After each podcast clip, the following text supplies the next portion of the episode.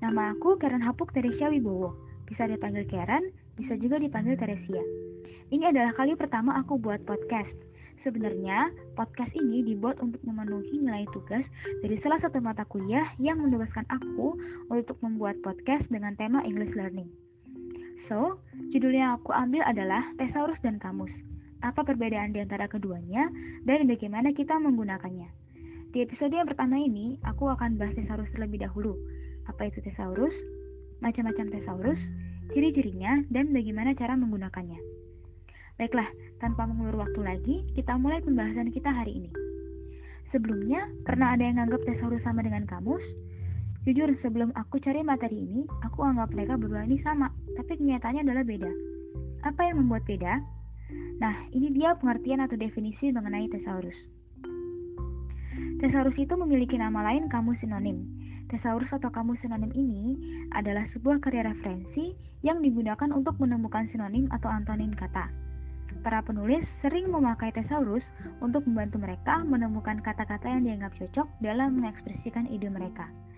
Sampai di sini udah dapat bayangannya ya mengenai tesaurus. Jadi tesaurus itu dan kamus sebenarnya berbeda. Untuk kamus sendiri akan dibahas di episode selanjutnya. Kata tesaurus berasal dari bahasa Latin thesaurus yang berawal dari bahasa Yunani thesaurus Beberapa tesaurus juga termasuk dalam daftar hiponim, yaitu subbagian. Contohnya mawar adalah hiponim dari bunga, yang berarti mawar adalah bagian dari bunga. Selanjutnya, kita masuk ke bagian macam-macam tesaurus. Tesaurus terbagi menjadi dua macam, yaitu online thesauruses atau thesaurus online dan book thesauruses atau thesaurus buku. Yang pertama thesaurus online. Tesaurus ini bisa digunakan ketika kamu sedang tidak di perpustakaan, karena tesaurus ini dapat diakses dari mana saja dan kapan saja, tentunya dengan menggunakan koneksi internet. Tesaurus ini memungkinkan kamu mengaksesnya ketika sedang online, dan secara otomatis akan memberi daftar kata yang panjang sebagai pengganti kata yang kamu cari. Yang kedua, ada tesaurus buku. Nah, kalau tesaurus ini digunakan ketika kamu tidak bisa mengakses tesaurus secara online, Tesaurus ini dapat dipinjam dari perpustakaan atau dapat dibeli dari berbagai toko buku offline maupun online. Beberapa rekomendasi tesaurus buku yang bisa digunakan, yaitu yang pertama ada Roget Super Thesaurus, ada Webster's New World Thesaurus, dan yang ketiga ada The Merriam-Webster Thesaurus. Poin ketiga yaitu ciri-ciri tesaurus. Ciri-ciri tesaurus ada tiga, antara lain yang pertama, sumber referensi yang memuat sebuah informasi dari kata yang disusun berdasarkan abjad atau A sampai Z maupun berdasarkan tema. Yang kedua, informasi yang terdapat di dalam tesaurus dapat berupa kelas kata, makna kata, contoh penggunaan, dan juga sinonim atau antonim dari kata tersebut.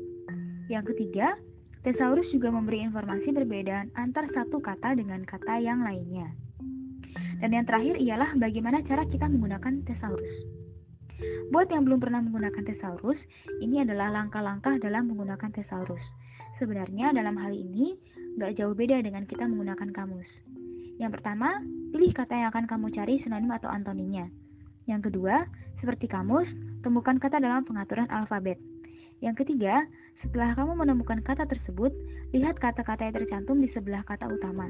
Dan yang terakhir atau yang keempat, setelah pencarianmu selesai, kamu bisa mengulang langkah awal kalau kamu ingin mencari sinonim atau antonim dari kata yang lain. Gimana? Mudah kan menggunakan tesaurus? Semoga pembahasan mengenai tesaurus kali ini bisa menambah wawasan kita dalam mempelajari bahasa Inggris dan bisa dengan mudah dan tepat menggunakan alat penunjang pembelajaran kita. Sampai sini dulu pembahasan kita hari ini. Stay tune, kita bertemu lagi di episode kedua dengan sub bahasan yang lain yaitu kamus. Thanks for your attention and see you soon. thank you